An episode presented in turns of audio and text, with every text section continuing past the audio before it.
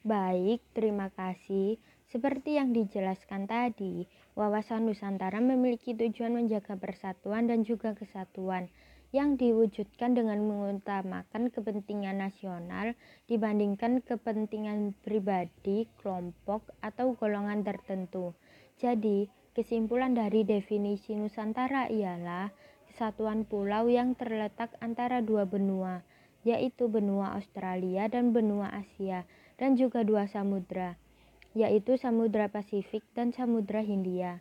Dengan itu, bila dikaitkan dengan sila keempat Pancasila yang berbunyi, kerakyatan yang dipimpin oleh hikmat kebijaksanaan dalam permusyawaratan perwakilan, maka wawasan Nusantara adalah cara pandang dan sikap bangsa Indonesia mengenai diri dan bangun-bangun geografinya berdasarkan Pancasila dan juga Undang-Undang 1945.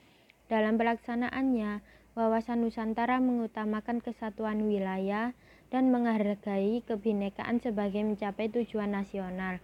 Contohnya ialah tidak boleh memaksakan kehendak kepada orang lain, mengutamakan musyawarah dalam mengambil keputusan untuk kepentingan bersama, musyawarah untuk mencapai mufakat diliputi oleh semangat kekeluargaan, dan juga menghormati serta menjunjung tinggi tiap keputusan yang dicapai sebagai hasil musyawarah.